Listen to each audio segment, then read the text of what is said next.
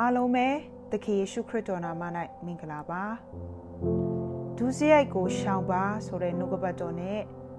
အရောက်ချင်းစီတိုင်းကိုဝေငှတိုက်တွန်းချင်ပါတယ်ယေရမိအနာဂတ်ကျမ်းအခန်းကြီး9အပိုက်ငယ်25တင်တို့ဒုစရိုက်သည်ထိုတို့သောအရာကိုလွဲ၍တင်တို့အပြစ်သည်တင်တို့၏မင်္ဂလာကိုစီးတားလေပြီ ဖျားသခင်ကကျမတို့ကို ကောင်းကြီးမင်္ဂလာနဲ့အစဉ်ပြေဝသောအသက်တာကိုဖြစ်စေခြင်းလေဖျားသခင်ကကောင်းကြီးကိုအမြဲပေးခြင်းတဲ့ဖျားသခင်ဖြစ်တယ်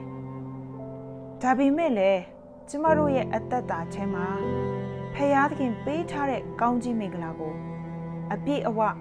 မခံစားရတဲ့အချိန်တွေရှိပါတယ်အဲ့လိုဖျားပေးတဲ့ကောင်းကြီးမင်္ဂလာကို အပြည့်အဝမခံစားရခြင်းကဖရာသခင်မပေးလို့မဟုတ်ဘူးဖရာသခင်ပေးတဲ့ကောင်းကြီးမင်္ဂလာ အပြည့်အဝခံစားနိုင်ဖို့အတွက်ကျမတို့ရဲ့အသက်တာထဲမှာဒုစရိုက်ကိုကျင်ရှောင်ဖယ်ရှားဖို့လိုအပ်လို့ဖြစ်ပါတယ်ဒီဒုစရိုက်အပြစ်တွေကကျမတို့ရဲ့အသက်တာထဲမှာဖရာသခင်ပေးတဲ့ ကောင်းကြီးမင်္ဂလာကို ပြည့်ပြည့်ဝဝခံစားဖို့အတွက်အသားအစီးဖြစ်ပါတယ်။ဒါကြောင့်ဒီနေ့ပဲဖရာသခင်ရဲ့ရှေ့မှာကျမတို့ရဲ့အသက်တာထဲမှာဆုံးဖြတ်ချက်ချရအောင်။ဖရာသခင်ပေးတဲ့ကောင်းကြီးမင်္ဂလာကိုအပြည့်အဝခံစားရဖို့အတွက်ကျမတို့ရဲ့အသက်တာထဲမှာရှိနေတဲ့ဒုစရိုက်တွေကိုကျင်ရှောင်ဖယ်ရှားပြီးအသက်ရှင်ဖို့အတွက် ဆုံးဖြတ်ချက်ချရအောင်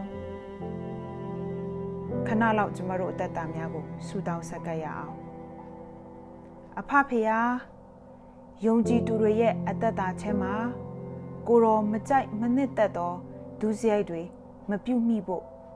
မဆာပါဒုစရိုက်ထဲမှာနှစ်မွန်းပြီးလဲကျသောသူတွေမဖြစ်ပါစေနဲ့ကိုရောထံတို့နောင်တနဲ့ပြန်လာပြီး ကိုရောထံမှလာသောကောင်းကြီးမင်္ဂလာများကိုပြန်လဲခံစားရသောအသက်တာဖြစ်ဖို့သခင်ယေရှုနာမ၌ကောင်းချီးပေးပါရယ်။ဖျားသခင်ဒီနေ့ကျွန်ုပ်တို့ရဲ့အသက်တာအတွက်လည်းပဲဆုတောင်းပါရယ်။ဒုစရိုက်လမ်းထဲကနေပြီးတော့မှလွဲရှောင်တတ်ဖို့အတွက်တန်ရှင်းသောဝိညာဉ်တော်ဖျားသည်မဆာကူညီပါ